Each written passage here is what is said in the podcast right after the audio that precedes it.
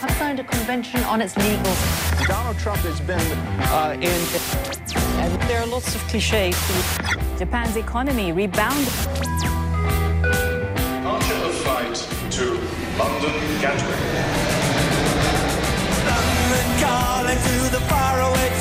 John Carlin, bon dia i bona hora. Buen día, Roger. Com està, John? Estoy en estado de shock Per què? Porque la última media hora he estado repasando la historia de Florentino y los audios esta semana. Sí. Y entre otras cosas me siento absolutamente ingenuo por haber menospreciado el extraordinario control que tiene Florentino Pérez sobre los medios de Madrid. Eh, me siento ingenuo, yo que soy periodista veterano muchos años, pero no me lo puedo creer. El silencio, el silencio. Va, escoltem un d'aquests àudios. Uh, N'hem sentit un fa una estona, però uh, és una mica llarg, però val la pena, eh? Uh, com que Sí. sona una mica de fons, perquè és evident que és una conversa robada, privada, i ara publicada després de molts anys, que això és un debat que ara afrontarem, escoltem aquest fragment. Es un enfermo, si es que es un enfermo. Es que joder, es que, es que es normal, es que no es normal. Si fuera normal no haría todas las tonterías que hace. Méndez no manda nada en él, igual que no manda nada Méndez en, en Mourinho. Nada, nada, nada, cero patatero. Estos son tíos con un ego terrible, malcriados, los dos, el entrenador y él, y entonces son tíos que no viven, no ven la realidad como tú, porque los dos pueden ganar mucho más dinero, como te digo, si fueran de otra manera. O sea, estos son dos anormales, porque aquí estamos hablando de mucho dinero en el tema de los derechos humanos.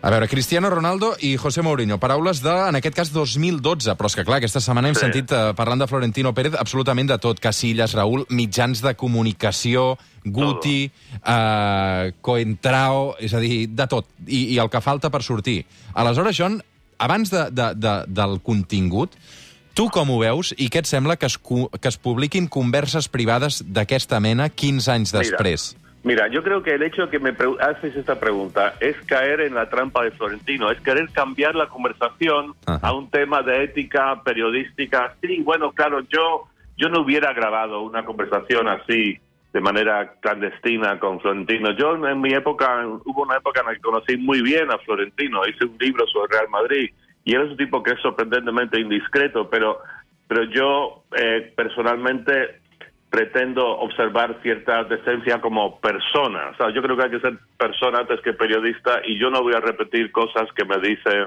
gente en privado, a no ser que sean, no sé, asesinos en serie, y hay una obligación para hacerlo. Esto es al Ujú. final solo fútbol. Pero volvamos a- al, al tema, Roger, que, a ver, exacto, este dice, Florentino dijo, ¿no? Que Cristiano es un imbécil, Mourinho una normal. Eso que acabas de citar, son dos tíos malcriados, con egos terribles. Claro, todo lo que hemos estado diciendo, bueno, gente como yo y muchos durante tantos años, eh, Florentino te lo confirma. Raúl y Casillas, las dos estafas más grandes del mundo, dice. Vicente del Bosque, un zoquete. Casillas no tiene dos dedos de frente. Tomás Roncero, el gran, no sé, la gran figura periodística, el, hincha número uno del mundo en Madrid. Hay que ir penalmente por él. Diego Torres, el del, del país, el que Florentino presionó al país para que no cubriera más el Real Madrid porque sabía demasiado, sabía justamente todo lo que sale aquí. O sea, esto es devastador en condiciones normales, pero no, Florentino es el rey sol. Lleva, no sé, casi 20 años ahí. Es como Kim Jong- Kim Jong-un en Corea del Norte. Y los periódicos se, se, subordinan a él, se, se caen a sus rodillas como si fuera Pravda en tiempos del comunismo soviético. Es extraordinario. Segurament és un dels homes, o no sé si fins i tot dir, l'home més poderós de tot Espanya, no?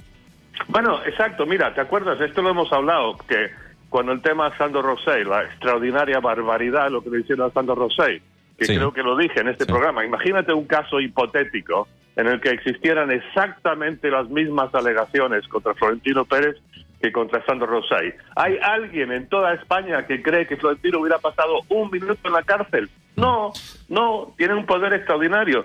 Y lo que me llama la atención, te digo, esto de que me siento ingenuo, yo no sabía que la, prensa funcionaba así. Ayer em, leo AS, abro AS ahí en la página web, no hay nada sobre el tema de los audios de Florentino. Esta mañana veo AS, veo Marca, ¿cuál es la, la noticia de portada? Que si Varane, no sé qué, que si Gareth Bale, no sé cuántos. Y todos estos periodistas deportivos hay en Madrid tan gallitos ellos en estos programas como el de este hombre, ¿cómo se llama? Pedrerol. Sí. que Están ahí todos chillando y gritando y se indignan y se encaran y no sé qué.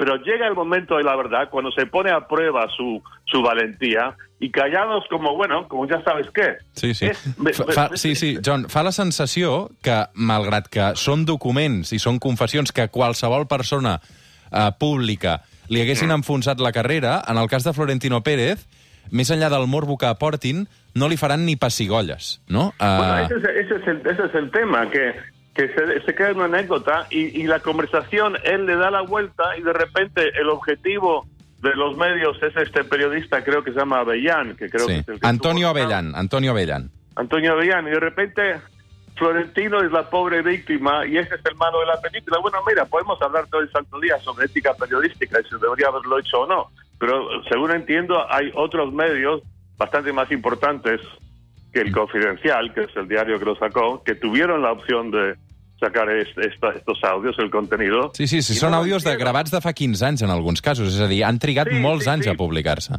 Sí, sí, bueno, fueron uno hace 15 años y el otro hace 9 años, ¿no? Sí. Pero, pero bueno, es igual, o sea, Florentino ahí está, es la encarnación de Real Madrid, es el presidente de por vida, es la figura.